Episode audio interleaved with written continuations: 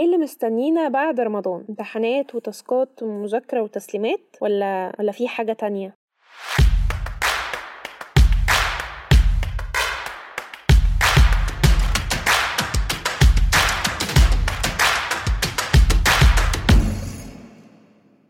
أنا ياسمين سعيد وأهلا بيكم في بداية بودكاست وموضوعنا النهاردة عن ماذا بعد رمضان؟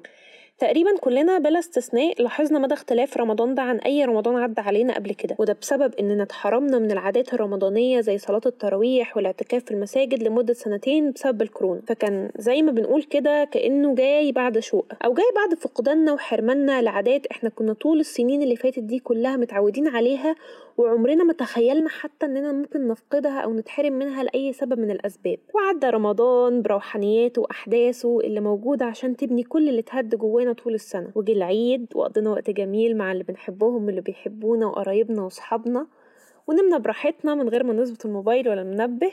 وكلنا كعك وبيتي فور وغريبة وكنا هيجيلنا غيبوبة سكر بس الحمد لله قدر ولطف. وجت فترة ما بعد العيد اللي أنا وأنت كنا خايفين منها وعمالين نصبر نفسنا ونقول معلش إحنا لسه في سابع يوم العيد إحنا لسه في تامن وتاسع يوم العيد وأصلا مفيش حاجة اسمها كده. بس عايزة أسألك سؤال هل ده بس اللي مستنينا بعد رمضان؟ الأحداث دي كلها والحوارات دي كلها ولا في حاجة تانية مستنيانا؟ في الحقيقة أنا جاية أقولك وأفاجئك إن اللي مستنينا هي الدنيا. اللي كانت مستنيانا فعلا هي الدنيا. جاي أقولك إن إحنا رجعنا تاني للأحداث والمشاكل والمدخلات الكتير اللي ليها لازمة بقى واللي ملهاش. رجعنا لهو الدنيا رجعنا للمشتتات وهوى النفس وشياطين الإنس والجن زيادة عليهم يعني.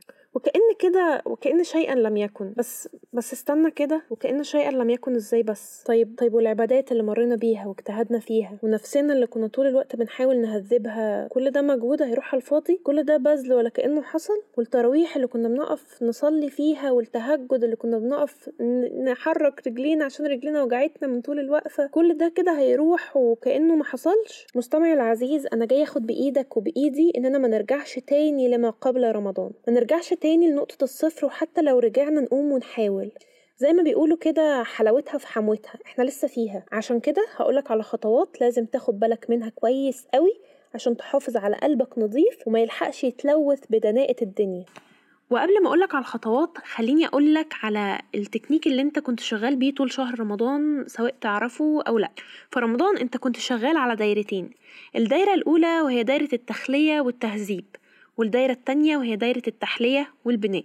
بمعنى التخلية والتهذيب هي دايرة إنك كنت بتحاول إنك تهذب نفسك من المعاصي أو تخلي نفسك تمتنع تماما عن المعاصي أو عن الهوى. والتحلية والبناء هي الدايرة اللي كانت بتخليك تقوم نفسك بالعبادات اللي انت ما كنتش تألفها أو متعود عليها في الأيام العادية. طيب المطلوب بشكل عام بعد رمضان هو إيه؟ المطلوب بشكل عام بعد رمضان هو مخالفة الهوى مخالفة الهوى بكل أشكاله. طيب ده هيحصل إزاي؟ ده هيحصل عن طريق إنك تجاهد نفسك وتقومها زي ما عملت بالظبط في شهر رمضان. ودي رقم واحد. رقم اتنين شوف إيه أكتر العبادات اللي استمريت عليها طول شهر رمضان وامسك فيها بإيدك وسنينك وإثبت عليها. يعني كنت بتصلي قيام ومواظب عليه اوعى تفقده بعد رمضان ابدا حتى لو بأقل القليل. وافتكر دايما إن قليل دائم خير من كثير متقطع. كنت بتقول الأذكار يوميا استمر عليها.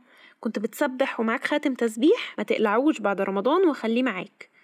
رقم ثلاثة زي ما قلت لك أنت كنت شغال في رمضان على دايرتين. الأولى هي التخلية والتهذيب والتانية هي التحلية والبناء. حافظ على الدايرتين دول كويس قوي واستمر فيهم وطورهم. ما تفضلش واقف على مستواك زي ما انت. زي ما عندك أهداف دنيوية بتسعى لها وبتطورها الأهداف الدينية لا تقل أهمية عنها بل كمان تفوق. رقم أربعة الدعاء. الدعاء حرفيا قادر يغير أي حاجة ومفيش حاجة بعيدة عن ربنا.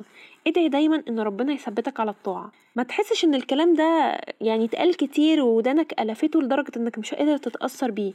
في الحقيقة الكلام ده اتقال كتير وناس كتير نادت بيه ولكن برضه في الحقيقة هو حقيقي جدا فلازم تستشعره وتستحضره إن مفيش حاجة بعيدة عن ربنا. ادعي دايما ربنا يثبتك وادعي دايما إن ربنا ييسر ييسرك في طريق الخير وييسر لك طريق الخير. رقم خمسة ودي الأخيرة الصحبة. ازنق نفسك دايما وسط ناس ياخدوا بإيدك. ازنق نفسك وسط ناس يحسسوك إن لأ لسه في خير لسه في طاعة. في النهاية رمضان مخلصش رمضان في الظاهر خلص ولكن تأثيره مكمل وهيكمل إن شاء الله معانا طول السنة. وما تنساش كن عبدا ربانيا ولا تكن عبدا رمضانيا.